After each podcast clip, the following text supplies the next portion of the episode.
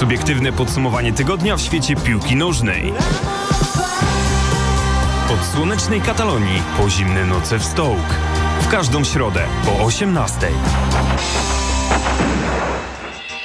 Kłaniamy się bardzo nisko i witamy bardzo serdecznie przy mikrofonach Krzysztof Więż. Piotr Przyborowski, good evening. Yeah, hello, bonjour. Oui, oui. E, co jeszcze? Jeszcze Guten Tag dzisiaj. tak, o, jeszcze guten El. Realizator oczywiście. E, El, El realizator nasz e, Michał Janowski. E, dziś, e, jak już na pewno wywnioskowaliście z naszego ekspresyjnego przywitania. Będziemy uczyć języków. Będziemy uczyć języków, tak jest. E, więc proszę wyjąć kajety e, i będziemy notowali na temat tego, e, co dzieje się, jeśli źle zarządza się swoim klubem piłkarskim. Tak, lekcja pierwsza będzie brzmiała, co stało się złego na Goodison Park i czy jeszcze jest to w jakikolwiek sposób do odratowania. Tak jest. E, Rozdzierać szaty będziemy z Darkiem e, Kosińskim. Myślę, że tak razem będziemy stali się samobiczowali z Darkiem, bo, bo oboje, e, obaj jesteśmy e, kibicami Evertonu. Współczujemy. To będzie takie preludium naszej dyskusji. Później przyjdzie czas na to, żeby zajrzeć, co dzieje się we Francji. Tak jest. Oui, oui, oui. Bartek Gabryś, e, z nim porozmawiamy na temat dwóch wielkich firm, dwóch wielkich firm, które mają na swoim koncie łącznie bardzo dużo tych mistrzostw Francji, bodajże z Łącznie dzie- bardzo dużo, tak jest. bo, e, czyli Bordeaux i Saint-Étienne, a te dwie ekipy na razie w strefie spadkowej i wiele wskazuje na to, że któraś z nich opuści szeregi Ligue 1. A na sam koniec, y, ale oczywiście na, nie najmniej interesujący temat, y, bo tam zajrzymy do Niemiec i porozmawiamy z Bartkiem Gabrysiem na temat tego, co dzieje Gabry- się... Gabrielem Stachem tutaj. A, pardon. A, oui, oui. A widzisz, tak to jest, jak się nie słucha. Bo mnie dzisiaj głowa boli, muszę ci powiedzieć, ale to chyba po prostu łeb mnie boli od tego, ja- ile my mamy gości w dzisiejszej Tak, audycji tak, po tak. prostu. Dzisiaj wypchane, dopchane, zapchane. Dobrze, ale y, VfB Stuttgart, Stuttgart VfB i Hertha Berlin. i Hertha Berlin. Jest- Czy wymienią się z innymi wielkimi firmami, które teraz w drugiej Bundeslidze sobie siedzą, czy, czy do nich dołączą po prostu? Dokładnie. Zapraszamy bardzo serdecznie. Dwie, trzy minutki z muzyką i wracamy do Was. Tutaj oczywiście audycja, podcast, wybierajcie. Spotify. Gramy na aferę. Everywhere. Zapraszamy serdecznie. Radio Afera rokowo i alternatywnie.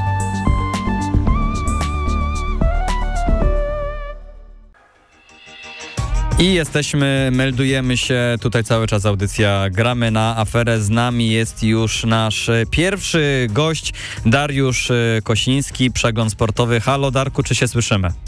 Słyszymy się, dzień dobry.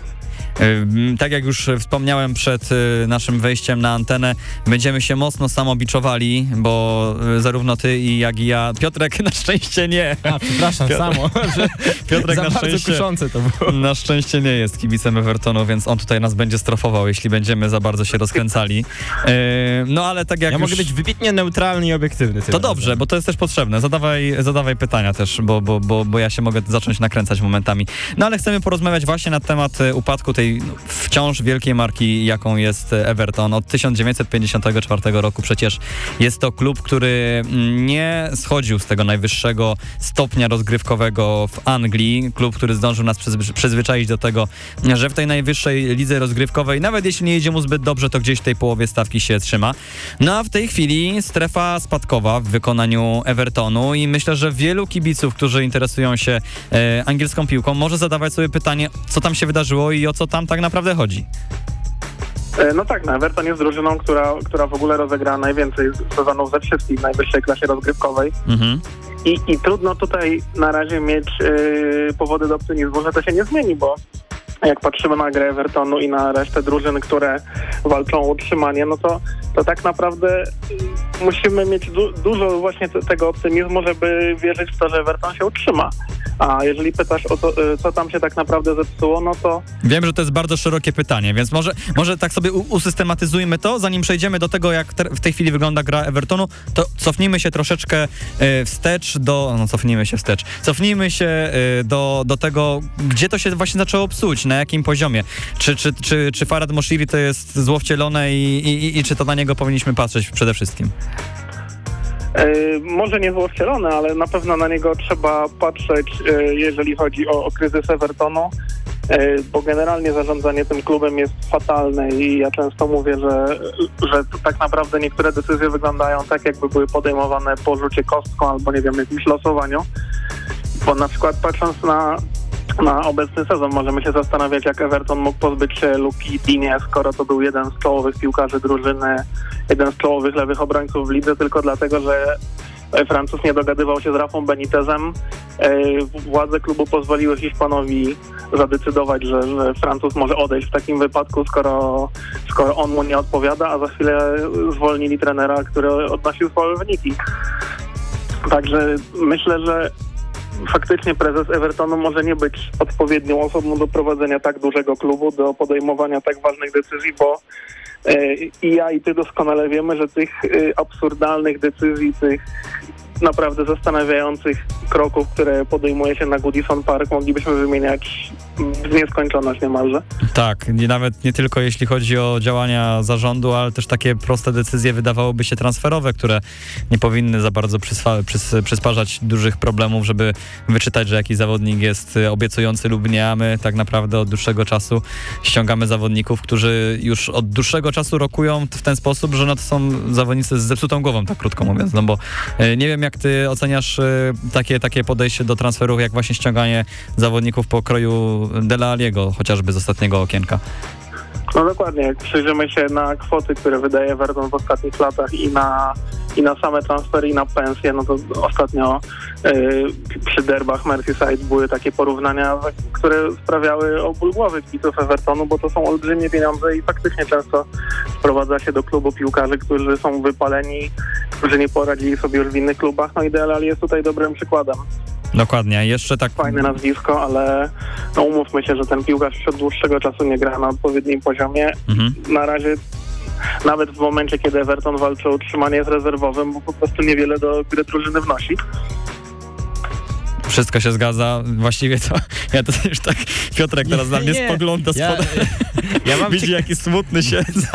Krzysiu, spokojnie, nie, nie denerwuj się. E, ja nie, ale jeszcze tak w temacie tych, tych strat finansowych to jest y, też rzecz, która mm, ma niebagatelne znaczenie również jeśli chodzi o e, myślę, że pogłębianie tej straty, bo od dwóch sezonów Everton generuje powyżej 100 milionów, nie pamiętam teraz dokładnej cyfry, ale to chyba było 111-115 milionów, coś takiego, prawda Darek, y, w poprzednich dwóch sezonach straty w funtach? Dokładnej kwoty, ale mniej więcej coś takiego, no olbrzymie pieniądze.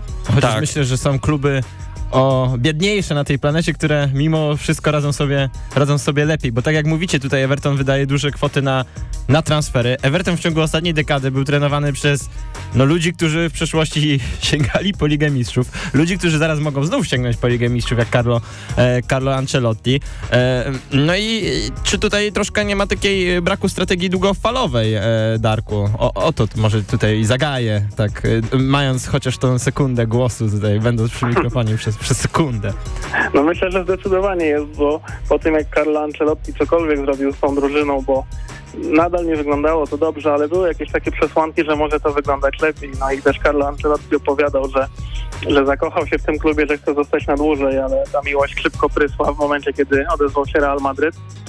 To w Evertonie uznano, że skoro doświadczony menadżer z, z tytułami jakoś sobie poradził, no to może wezmą kolejnego. No tylko umówmy się, że nawet gdyby drużyna pod wodzą Rafy Beniteza grała naprawdę nieźle, no to myślę, że połowa kibiców Evertonu zasiadających na Goodison Park i tak by go nie zaakceptowała i wydaje mi się, że to nie był ruch dobry. Na, znaczy już nawet nie patrząc na jakość trenera, bo myślę, że tutaj też dałoby się znaleźć wiele powodów, dlaczego to nie była dobra decyzja. A, a tuż po dwóch doświadczonych trenerach zdecydowano się na Franka Lamparda, no, który takiego doświadczenia nie ma. I tak naprawdę no, trudno się tutaj doszukiwać jakiejś większej strategii na przestrzeni lat. Tak myślę, że to nie wyszło, spróbujemy czegoś innego. Jak to nie wyjdzie, to zatrudnimy jakichś tam piłkarzy, którzy mają fajne nazwisko, nieważne jak grają.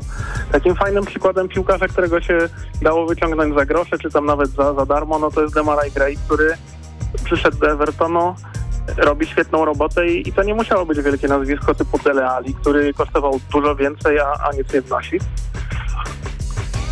Więc Dele Ali to faktycznie jest jeden z takich dobrych przykładów. Y, Możemy ich mnożyć więcej. Wspomniałeś o y, Carlo Ancelotti, no to przychodzi od razu do głowy również y, Rodriguez, który właściwie przyszedł tylko za, za właśnie trenerem i, i tak naprawdę po odejściu Carlo Ancelottiego wiadomo było, że może nie od razu, ale O, chwilkę, chwilka, chwilka... Dzisiaj wypłynęła informacja, że James Rodriguez odchodzi z Al Ryan. O, proszę bardzo, no to jakoś nie jestem zaskoczony. W każdym razie w- y, wiadomo było po szybkim czasie, że, że James Rodriguez Gomez odejdzie za, za, za swoim trenerem, jeśli możemy w ten sposób powiedzieć.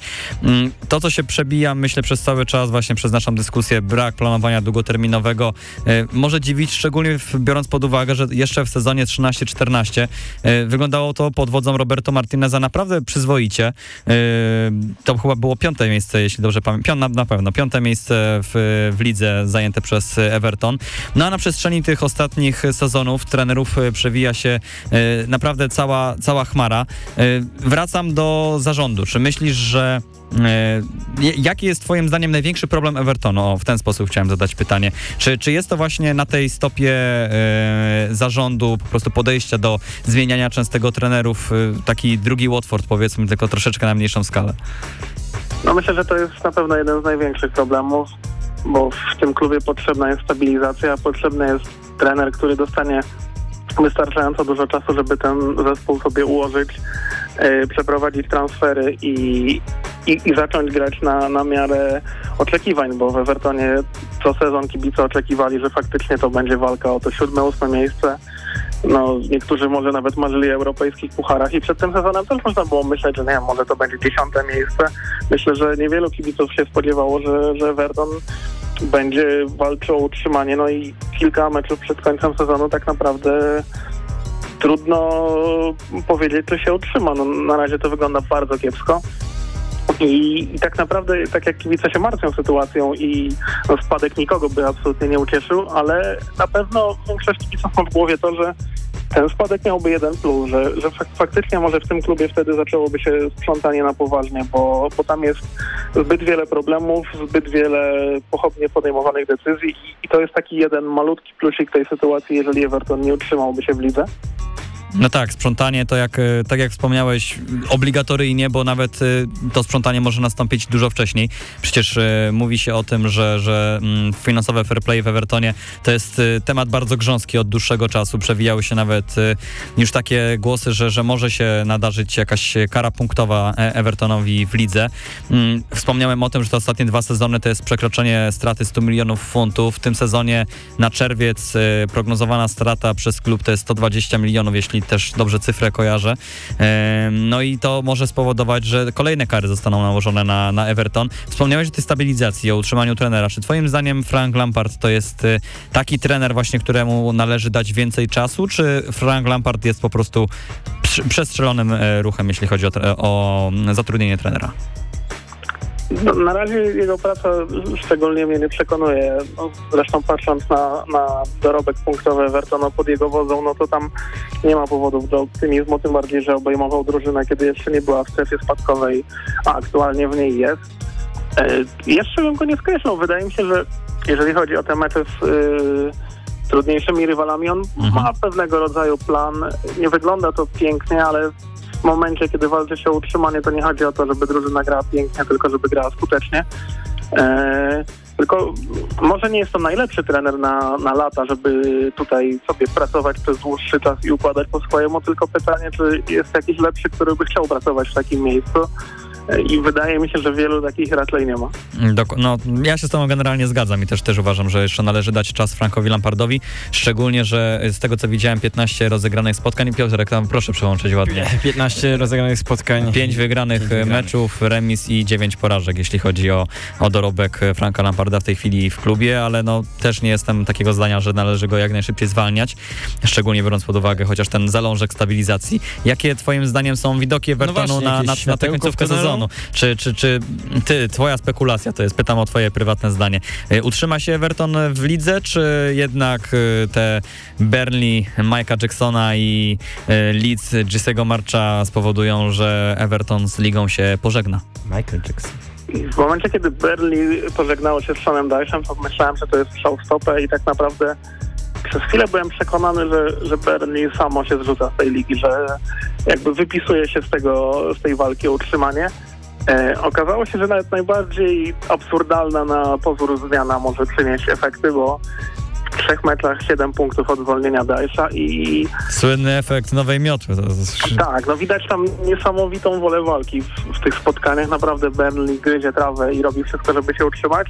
I wydaje mi się, że jeżeli Everton ma kogoś wyprzedzić w tabeli, to jednak Leeds, które ma tych punktów więcej, ale aż tak mnie nie przekonuje. No tam dwa razy im się udało wygrać takie mecze na styku, e, strzelając bramkę w końcówce, czy z Wolverhampton nadrabiając trzy bramki, ale też ich kalendarz jest dużo gorszy niż, e, niż e, Burnley, więc wydaje mi się, że jeżeli kogoś Everton ma dogonić, to Leeds, e, a czy, czy Everton da radę się utrzymać? Nie wiem, piłkarze opowiadają, że e, że są gotowi do tej walki. Richarlison obiecał kibicom, że się wydostają z tej strefy spadkowej. Ja do końca tego nie kupuję, chciałbym w to wierzyć, ale wydaje mi się, że no, na ten moment no to Everton jest z tych trzech drużyn najbliżej e, zajęcia 18 miejsca, no i spadku. Pełna zgoda. Dzisiaj to normalnie tak możemy sobie wirtualnie ręką potrząsać. Przytulcie się tak. Jeszcze na koniec, Darku, chciałbym cię zapytać, już tak zakładając ten scenariusz 18 miejsca właśnie, y, jakie nazwiska przewidujesz, y, że najprędzej opuszczą klub? Możesz też powiedzieć z drugiej strony, kto twoim zdaniem zostanie w klubie, a kto zostanie z niego wyłowiony twoim zdaniem?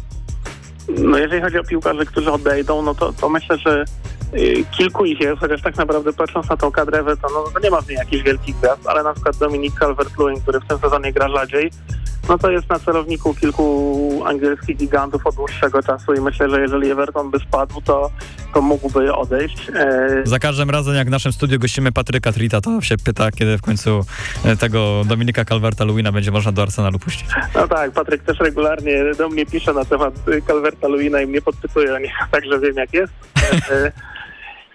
No na pewno Richarlison jest też y, piłkarzem, który mógłby znaleźć zatrudnienie gdzieś w lepszym klubie, chociaż patrząc na jego psychikę i zachowanie na boisku, no to, to wielu trenerów mogłoby go u siebie po prostu nie chcieć. E, a jeżeli chodzi o piłkarzy, którzy mogliby do klubu dołączyć albo odgrywać w nim e, jakąś większą rolę, no to myślę, że Antony Gordon to jest chłopak, któremu trzeba ufać, którego trzeba wystawiać i mówię to już od dłuższego czasu, nie tylko paru meczów ostatnich, w których gra dobrze. I w ogóle myślę, że Everton ma e, młodych e, piłkarzy, którzy zasługują na trochę więcej szans niż piłkarze sprowadzani za duże pieniądze z, z jakimś tam trochę głośniejszym nazwiskiem, bo no nie wiem, porównajmy tego już nieszczęsnego De Aliego do Antonego Gordona. No tak naprawdę nie ma czego porównywać. Jest też Louis Dobin, który dostał chyba jedną szansę w tym sezonie, ale tylko tyle, mimo tego, że się pokazuje fajnie w drużynie tam do lat 23. No niesamowite widły w tym ostatnim meczu, co tam załadował Dobin, to Tak, po no, prostu... dokładnie. No, w zasadzie w tym momencie powinniśmy we dwóch przestać oglądać pierwszą drużynę i chyba skupić się na tych rozgrywkach Premier League, bo tam jest co oglądać. I jeżeli Everton faktycznie spadłby z ligi, no czego obaj bardzo nie chcemy, no to, to może faktycznie lepiej pozbyć się tych piłkarzy już wypalonych, których w klubie jest cała masa, a dać szansę młodym. I właściwie takim chyba optymistycznym akcentem, że żeby dać szansę tym właśnie młodym, e, zakończymy ten nasz Evertonowy wątek e, dzisiejszy. Mm, Troszeczkę e, prywatny może wleciało z naszej strony, ale Piotrek, mam nadzieję, że się tam nie umyczyłeś. Śpisz? Nie, nie, żyjesz? Jakoś, jakoś żyję, żyję, żyję, walczę. Dzięki wielkie, Darku. Dziękuję bardzo. My e, również dziękujemy. Dariusz Kosiński. Przegląd sportowy był e, waszym, naszym e, gościem. Tak jest. I za chwilkę udajemy się w inne rejony, udajemy się do Francji, bądźcie Tylko z nami. przez kanał La Manche. Tak jest. No w sumie bardzo bliziutko, Bliziutko. Więc, więc bądźcie z nami, my też jesteśmy bliziutko, dosłownie trzy minutki do was. Wracamy. Radio Afera 98,6 MHz. I my teraz w tej chwili, mokrzy już tacy, wychodzimy z tego kanału La Manche, przypłynęliśmy go z, z Anglii e, i, i witamy się z Francją. e, W tej Bonjour, Francji, bonjour, w tej bonjour. Francji czeka na nas e, Bartek Gabryś. Halo Bartku. Słyszysz nas Bartek? Bo... Tak, słyszę was. Bonjour, bonjour Bartku, witaj. Bonjour. serdecznie. Słyszysz nas dobrze, mamy nadzieję.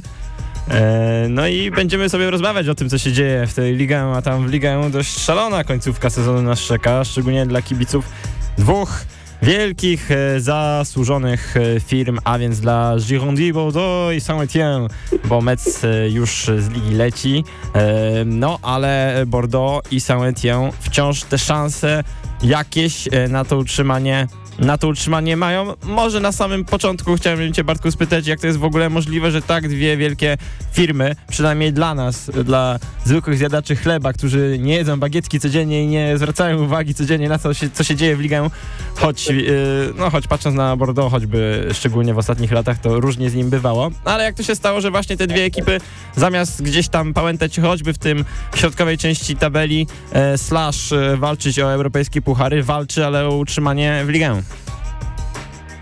Y, Właściwie upadek, y, znaczy upadek, no ten wielki kryzys obu klubów y, wziął się, to nie jest, to nie jest jakaś to nie jest jakaś świeża sprawa, tylko właściwie to jest coś, co od, postępuje od kilku lat i po, po czasach pandemicznych oraz, oraz,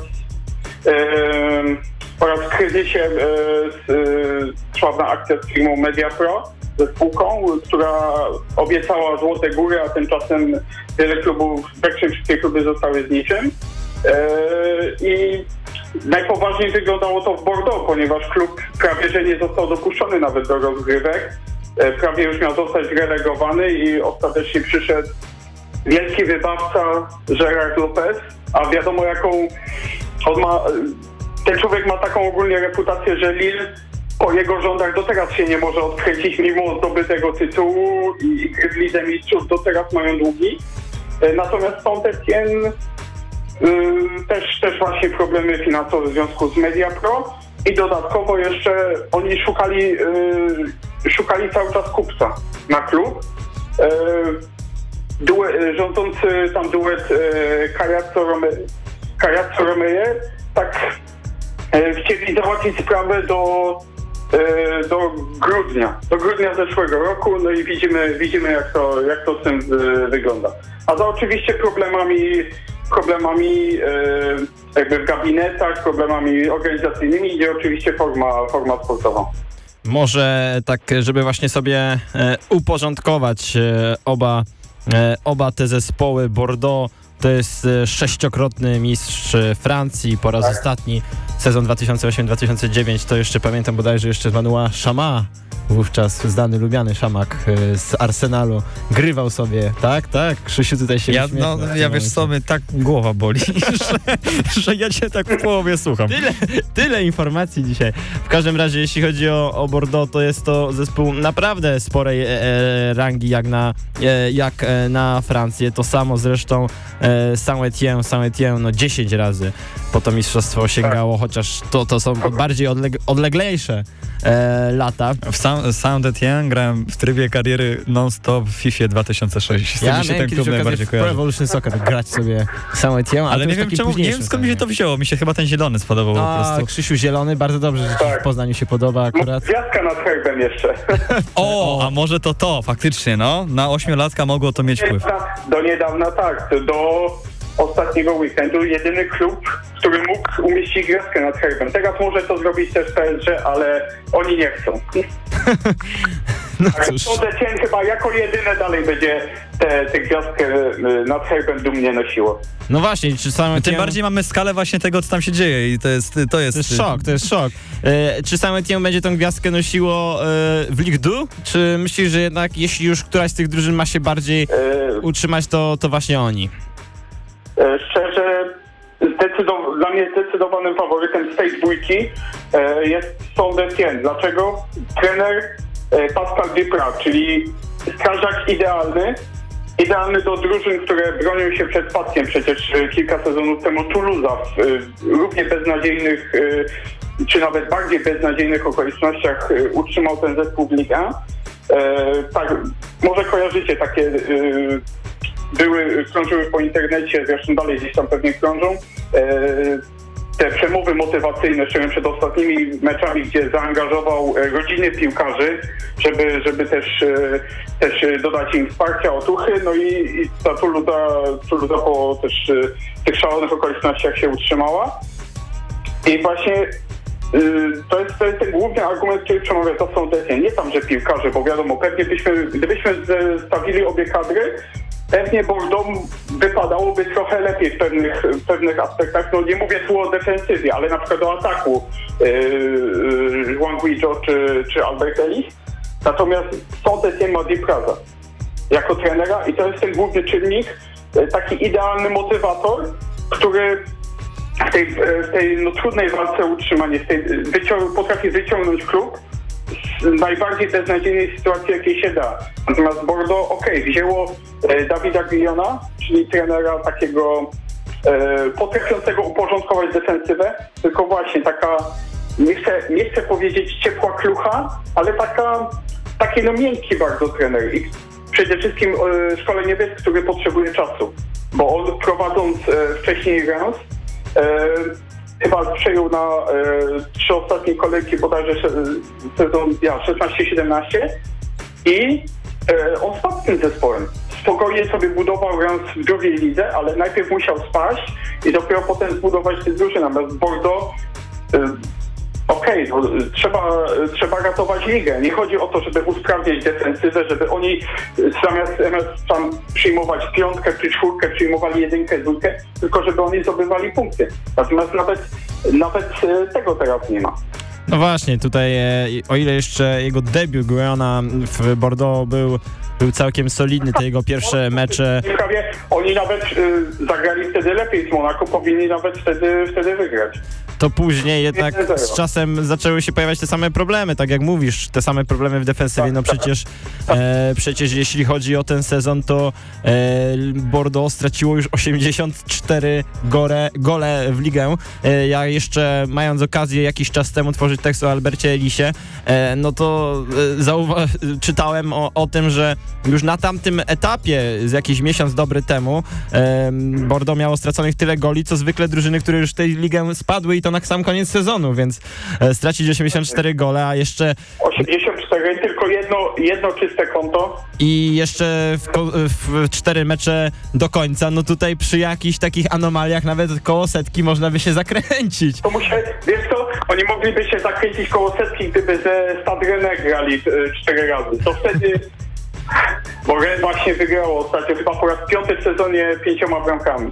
Także gdyby grali cztery razy z Rennes, to wtedy Bordeaux by przekroczyło setkę spokojnie. No tymczasem właśnie ostatnio też takie wyniki jak szóstka od Lyonu, 6-1, Tak. e, piątka od Nantes, to już e, w ten ostatni, Tak. w ostatni weekend.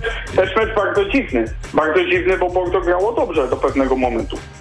No i mimo, że Bordeaux strzela gole, tak jak e, tutaj zauważamy, w ostatnim meczu trzy bramki, e, no to, to traci ich też, też dużo i, i rzeczywiście to się wcale, wcale się nie poprawiło, e, chociaż tak jak mówisz, patrząc na kadry, to chyba Bordeaux ma jednak na papierze czysto nazwiska ciekawsze i nazwiska szczególnie w tej ofensywie, które więcej by, więcej by dały. No nawet jeśli któraś z tych drużyn się utrzyma, no, utrzyma, zajmie to 18 miejsce w ligowej tabeli, to nie zapominajmy, że 18 miejsce, no na szczęście dla nich, Baraże. nie oznacza spadku, ale oznacza baraże.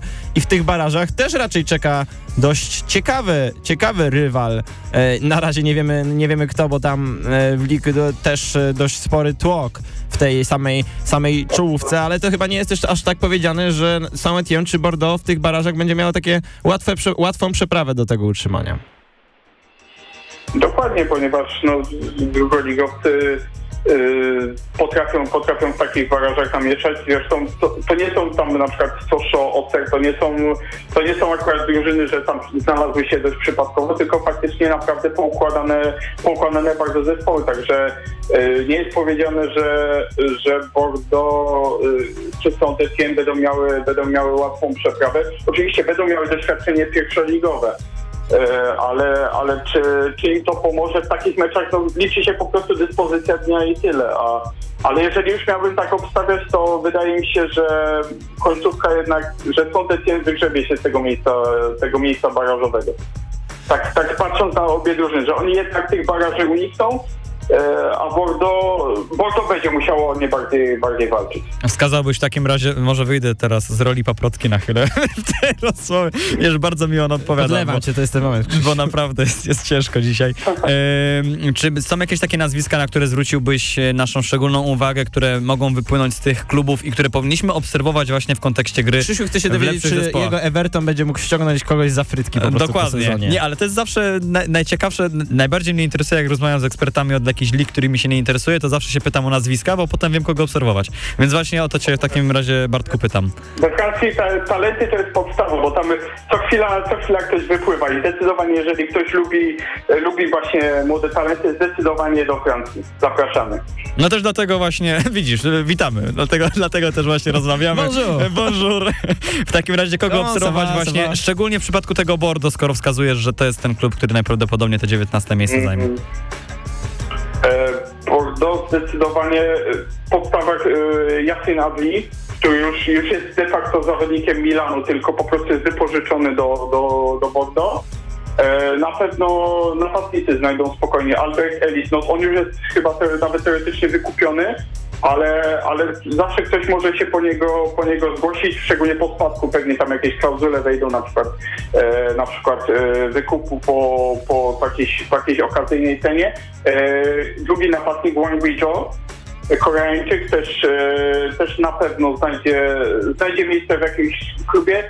E, właśnie ze względu na swoje, na swoje umiejętności. To nie jest to typowy taki, taki snajper, ale też bardzo, bardzo pracowity, szczególnie uzupełnia się z Elisem, bo y, Elis jest y, szybkościowcem. Właściwie on w niektórych meczach grał jako, grał jako skrzydłowy. E, Z, takich nazwisk e, jeszcze byłby mm, pomyślny. Na pewno można zwrócić uwagę na e, Timothy Pembele, który no, obecnie niestety kontuzja i do końca sezonu go, go nie zobaczymy. Wypożyczony zawodnik z PSG. Mhm. E, boczny, boczny albo środkowy obrońca, to w zależności od, e, od potrzeb. Jedyny chyba e, obrońca, który się tak, tak wyróżnia in plus, prawda? A nie, jeszcze jest, zapomniałem jeszcze drugi, ten, który przyszedł zimą, Anel Ahmed Hodzic, e, reprezentant Szwecji. Przy- przyszedł z Malmę i Właśnie szkoda, że on sobie taki klub wybrał, ponieważ on miał, pamiętam, w okienku, okienku zimowym miał dwa kluby, albo Bordeaux, albo Stade Reims. I, No to rzeczywiście przestrzelił troszkę. przestrzelił, bo jeszcze, że, te obie, że obie drużyny zagrały jeden tam z pierwszych meczów i, właśnie e, Reims wygrało wtedy bodajże 5, 5 do 0.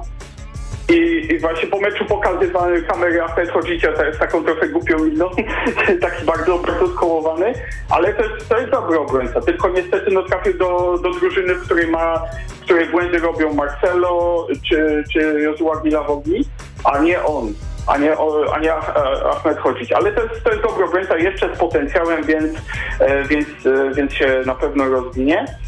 Mm, A z Saint-Étienne ktoś jeszcze? Aha, jeszcze, jeszcze e, tak, jeszcze z Bordeaux jedno nazwisko, napastnik e, Sekumara, który ostatnio zaliczał dobre wejścia, e, wejścia na wojsko. Na przykład w meczu z Lyonem zagrał e, lepiej niż e, wszyscy, wszyscy koledzy razem wzięci.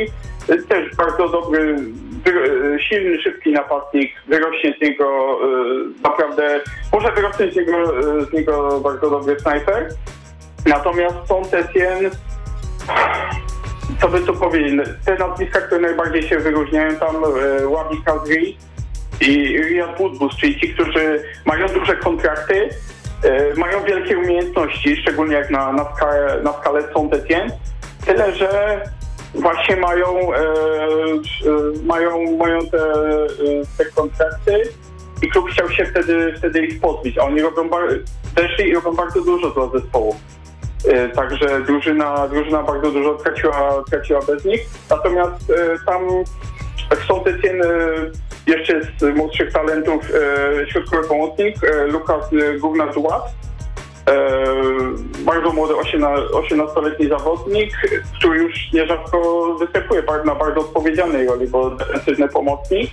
E, i zdecydowanie dobrze sobie radzi. Wiadomo, wymaga oszlifowania, musi grać cały czas, żeby rozwijać talent, ale zdecydowanie zawodnik, e, zawodnik do polecenia, który już interesowały się e, kluby. Nie wiem, teraz strzelam Borussia Dortmund, bodajże już, już tam jakieś podchody, podchody pod niego robiła. Bartek, bo mnie już ręka boli od tego zapisywania tych nazwisk. A tak zupełnie poważnie to, to patrzę na czas naszej audycji. Jeszcze musimy porozmawiać, znaczy musimy, chcemy porozmawiać e, o, o Niemczech, więc tak brutalnie ci się wetnę w słowo i, i, i podziękuję ci za to, Zobacz, że jak byłeś naszym Bartek, dzisiejszym Bartek gościem. tutaj Krzysiu nam przerywa zabawę, niestety. No przepraszam, no ale ktoś tutaj musi być tym Niemcem. Ale w gruncie rzeczy y, Bordeaux lepsza kadra, gorszy trener, y, Saint-Étienne y, gorsza kadra, ale trener, który może ich wziąć za... Bordeaux jeszcze, Bordeaux gorsza sytuacja i naprawdę to może się, może się równie dobrze nie skończyć jakąś wielką ucieczką, tylko może się w ciągu jednej, dwóch kolejek wyjaśnić. Jeżeli będą mieli pecha, na przykład Clermont, to będzie dużo punktów albo Saint-Étienne. Cztery kolejki do końca ligę, będziemy śledzić, będziemy obserwować, pewnie po sezonie jakoś sobie to wszystko podsumujemy w naszych audycjach. Bartek Gabryś był waszym i naszym e, gościem. Dzięki wielkie Bartku. Dziękuję bardzo. Dzięki. My słyszymy się już za chwilę i tak jakby powiedział Krzysztof, wówczas będzie e, Guten Tag. Wtedy będę mógł być Niemcem, tak jest. Zapraszamy serdecznie za kilka chwil. Radio Afera, rokowo i alternatywnie. Odkładamy bagietkę i w rękę bierzemy takiego dobrze Parówę. wypieczonego wursta, tak jest. Bo przechodzimy do wątków e, niemieckich. Z nami jest e, Gabriel Stach. Halo, halo, czy się słyszymy?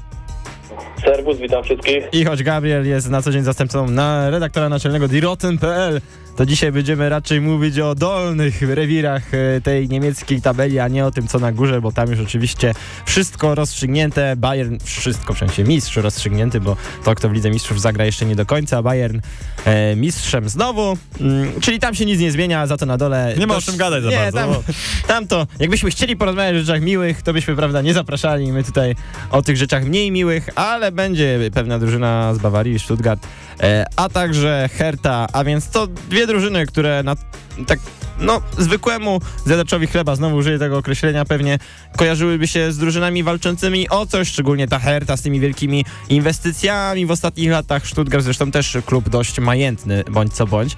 A jednak to są drużyny, które będą walczyć do końca tego sezonu o utrzymanie. E, oto być może miejsce barażowe, być może nieco e, spokojniejsze miejsce e, numer 15.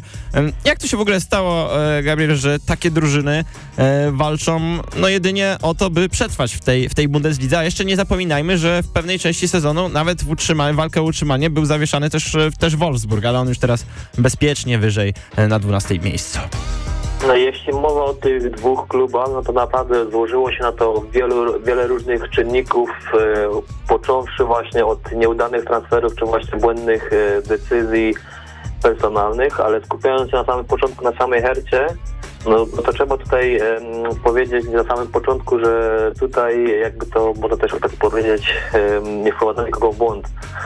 Spójrzmy na to, że przez ostatnie 2-3 lata przez Hertę przewinęło się naprawdę bardzo wielu trenerów. Każdy z nich e, miał inny pomysł na grę. Ci zawodnicy też mieli niewiele czasu, że- żeby się przystosować e, do tego nowego stylu gry. Cały czas e, były jakieś zmiany. Do tego dochodzą, dochodzi, ta, dochodzi ten brak stabilizacji. Ogrom, mają oczywiście też ogromne zaplecze finansowe dzięki właśnie tym inwestycjom e, Wichorsta. No ale nie oszukujmy się, transfery przeprowadzone w sezonie 2019-2020, gdzie wydali ponad 110 milionów euro, no były transferami, no jakby to można, tak powiedzieć, e, nie mówiąc brzydko, no pie- pieniądza, pienie- pieniądzmi e, wyrzuconymi w błoto, bo naprawdę żaden z tych zawodników nie spełnił pokazanych w nim oczekiwań. Może teraz ewentualnie z wyjątkiem Tusarta, ale raczej to były transfery no, średnio udane, pieniądze wyrzucone w błoto. Do tego e, pojawiały się z czasem też jakieś drobne konflikty w szatni, które też przekładały się oczywiście na to, e, na, na relacje na boisku. No, Co tu jeszcze można powiedzieć o Hercie? No, na pewno też nie wyciągnęli wniosków z poprzedniego sezonu. Tutaj też e, piję właśnie do tych nieudanych transferów. Też powtórzyli kilka e, takich, można powiedzieć, w top transferowy, transferowych. Żaden z tych zawodników e, pozyskanych latem nie, jakoś nie odmienił e, tej drużyny. Gdzieś też e, na każdej z, każdej z tych pozycji brakuje powiedzmy tej jakości. I oczywiście mając na uwadze e, te ogromne, trzeba powiedzieć, ogromne wręcz zaplecze finansowe, no to ten klub powinien tak naprawdę bić się o miejsca Europ- w europejskich pucharach, a nie walczyć teraz obecnie o utrzymanie w lidze. Co tu jeszcze można powiedzieć? No, ta sytuacja w klubie już od, od dłuższego czasu jest e, dość nieciekawa. Zdarzyło się nawet dwa tygodnie temu, że kibice dość tak powiedzmy mocno zaprotestowali, kazali nawet zawodnikom e, ściągać swoje koszulki. No i też gdzieś tam można powiedzieć, wydaje w głowach tych zawodników też pojawia się takie przekonanie, że coś tu nie gra, coś trzeba zrobić. No i to pojawienie się tego Salixa Magata na pewno poczu- gdzieś tam odmieniło też ten zespół, choć początkowo się śmiano właśnie z tej decyzji, że gdzie tam e, taki stary trener e, wraca e, do Bundesligi po dłuższej przerwie, prowadzi zespół bez jakiegoś może mm, nie też przygotowania, ale raczej powiedzmy takiego no bez obycia się dłuższego w piłce. No i też te problemy z napastnikami w ofensywie. E, Hertha też nie szczela e, zawrotnej liczby bramek. Te transfery, które były dokonywane w poprzednich e, dwóch, trzech sezonach, mam tu na myśli chociażby pozyskanie e, Mateo Kuni, Kordoby, czy nawet e, naszego rodaka Krzysia e, Piątka. Jakoś e, powiedzmy, no zapewnili trochę tych bramek, ale potem znowu się pojawiły problemy, jakieś błędne decyzje, czy to z wypożyczeniem Luke Bakio, czy właśnie sprzedażą e, tych kluczowych zawodników. No i teraz głównie brakuje tego ognia w tej ofensywie.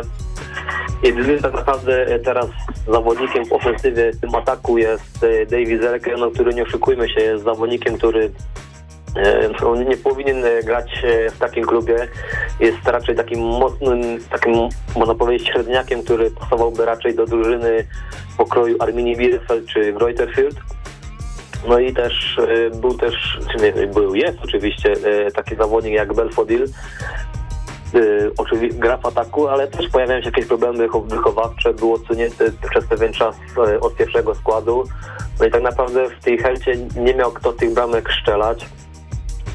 No i też zdarzało się, że spora grupa zawodników y, była często na kwarantannie. Gdzieś tam wypadało y, większe grono zawodników. Ci trenerzy, jak powiedzmy wcześniej przed Magatem Korkut czy właśnie Dardaj, E, Nie mieli też pełnego zaplecza tych zawodników, mimo oczywiście tych wielkich inwestycji transferowych. Często powtarzające się kontuzje, no gdzieś to wszystko się na pewno e, przerzuciło na, na to, jak, na, na, na miejsce teraz, w którym znajduje się Herta. No, a z drugiej strony zatrudnienie Frediego Bobicza, który też przyszedł jako nowy e, kierownik sportowy na początku sezonu. No nie oszukujmy się, miał naprawdę mało czasu, żeby coś zbudować. Oczywiście miał też e, dostęp do tych finansów, do tych transferów, no ale no nie, żeby coś zrobić w ciągu dwóch, trzech miesięcy, no nie oszukujmy się, nie jest to możliwe. Jeśli chodzi oczywiście o Hertę. No właśnie, to jeśli chodzi o Hertę, a przenosząc się nieco bardziej na e, południe e, Niemiec, no to co takiego wydarzyło się w Stuttgarcie, który e, w, na przestrzeni ostatnich lat już raz z Bundesliga nam opuścił, e, że znowu ta drużyna kręci się dość niebezpiecznie w tej jednak strefie mm, barażowo-spadkowej. No poniekąd trzeba tak powiedzieć, że forma Stuttgartu jest zagadkowa, no bo tak wspomniałeś też w poprzednim sezonie, no oni grali jak z nut, zajęli dziewiąte miejsce w lidze, to było też wielkim zaskoczeniem, bo jak to Beniaminek y, wracający y, z drugiej Bundesligi robi takie wyniki. W ofensywie no wyglądali naprawdę bardzo dobrze. W defensywie też wiele rzeczy im się udawało, a mieli oczywiście przede wszystkim Gregora Kobela, który odszedł e, zeszłego lata do Borussii Dortmund i też poniekąd pewnie wpłynęło to na e, jakość e, defensywy Stuttgartu. No ale też trzeba przyznać, że ten pomysł Perek Bellegrino Materazzo gdzieś tam się może już też wyczerpał, bo większość klubów nauczyła się grać przeciwko Stuttgartowi. Nie jest już takim zaskoczeniem, nie potrafi e, powiedzmy jak chociażby było to w, w, kilku, w dwóch spotkaniach z Bayernem, kiedy nawet e, Bayern był zaskoczony stylem gry Stuttgartu w tych derbach południa. I oni naprawdę potrafili robić e, wiele dobrego z piłką i zaskiewali niejedną drużynę z wyższej półki. Do tego też oczywiście dochodzą kontuzje kluczowych zawodników. W poprzednim sezonie mieliśmy chociażby Staseka Lajdzicza, Waman Tuker, oczywiście teraz e, po tej całej aferze z agentem i z nazwiskiem e, nazywa się, nie chcę teraz nikogo tutaj wprowadzić w błąd, ale Mwupa, jeśli do, dobrze oczywiście wypowiadam to nazwisko, no to tych dwóch zawodników stanowiło też o tej sile ofensywnej Stuttgartu. Był jeszcze Gonzales, ale odszedł do Fiorentiny. No i trzeba też przyznać, że ta ofensywa, ta jakość e, tego ognia w ofensywie Stuttgartu mocno spadła. Tych teraz nie ma za bardzo kto strzelać. Oczywiście jest tam ten mł- młody Marmusz czy właśnie Fagir, ale oni nie wpłynęli zbytnio na ofensywę Stuttgartczyków. Gdzieś tam brakuje tego pomysłu, jak już też wspomniałem na samym początku. No i też taki w Niemczech e, często spotyka się z takim określeniem jak e, syndrom drugiego sezonu, gdzie właśnie Beniaminek po bardzo dobrym pierwszym sezonie, no po prostu w tym drugim sezonie pokazuje, czemu tak naprawdę jest tym Beniaminkiem e, i co tak naprawdę nie wychodzi im. No, często się mówi, że ten drugi sezon dla Beniaminka jest dużo cięższy niż ten No, to nie pierwszy. tylko w Niemczech, to I nie tak tylko, i nie popularne tylko, zjawisko. I nie tylko w Niemczech. E, Tak, tak, tak. My niestety już tutaj powoli zbliżamy się do końca naszej audycji, e, ale tak e, tylko jednym słowem, Gabriel, jakbyś mógł powiedzieć, która z tych drużyn twoim zdaniem zakończy miejsce... W, sezon, Sezon miejscem gwarantującym tak, utrzymanie. Tak, tak, tak. I czy może obie? Lepiej było, gdybyśmy zapytali numer Lotka. No ale wiesz co, no Herta 32 punkty, 4 punkty przewagi nad Stuttgartem, który jest pierwszy w strefie spadkowej, tej, tej e, strefie, gdzie, gdzie gra się baraże. E, No więc tak, wydaje się, że chyba tak można nakierować się właśnie na Hertę, szczególnie, że dwa zwycięstwa w ostatnich meczach. To znaczy, no tak jak wspomniałeś, no Herta tutaj w tym przypadku ma jak też dla mnie większe szanse na to utrzymanie się wizy, głównie właśnie też z racji na samego Felixa Magata, który odmienił ten zespół. Widać też tą świeżość w grze. No i też pewnie jakoś e, może mm, ten sprzed dwóch tygodni całe to zamieszanie z kibicami może też podziałało na głowy zawodników, że są teraz jeszcze bardziej zmotywowani, że e, chcą grać nie tylko dla samych siebie, ale właśnie dla tych fanów. Oj, to nie, to, to wiesz co, ja ci teraz przerwę, bo i tak muszę, ale to nie będziemy, nie będziemy mówili, że, że, że, że, że takie reprymendy kibicowskie e, mają sens, bo to jeszcze się ktoś tutaj Tak, usłyszy. jeszcze przed godziną I, 19. i, I tak, i nas, nas tutaj poskarży jeszcze. Yy, przepraszam, że tak brutalnie ci się, Gabrielu, wcinam Po sezonie na pewno, Gabriel, do ciebie zadzwonimy i podsumujemy sobie cały sezon Bundesligi. Nie tylko to, kto spadł, ale też co, jak e, to wyglądało w wyższych miejscach ligowej, ligowej tabeli, ale dzisiaj już musimy niestety powoli... Tak, powoli Michał Janowski, nasz dzisiejszy realizator, patrzy na mnie już tak groźnym wzrokiem, że bardziej gorzej niż. Felix Magan na swoich zawodników patrzy, więc... Tak, więc dziękujemy ci, Gabrielu, do usłyszenia przy kolejnej okazji. Jasne, dzięki bardzo. Gabriel Stach, e, redaktor diroten.pl był e, waszym i naszym gościem już ostatnim dzisiaj, ale e, to nie znaczy... Kończ, chłopie, kończ, bo nie ma czasu. Krzysztof, Aj, wiesz? Piotrek Przyborowski. Michał Janowski nas realizował. Spotify, pamiętajcie o tym. E, tak, podcast na Spotify'u będzie można nadrobić. Zapraszamy do usłyszenia. Cześć.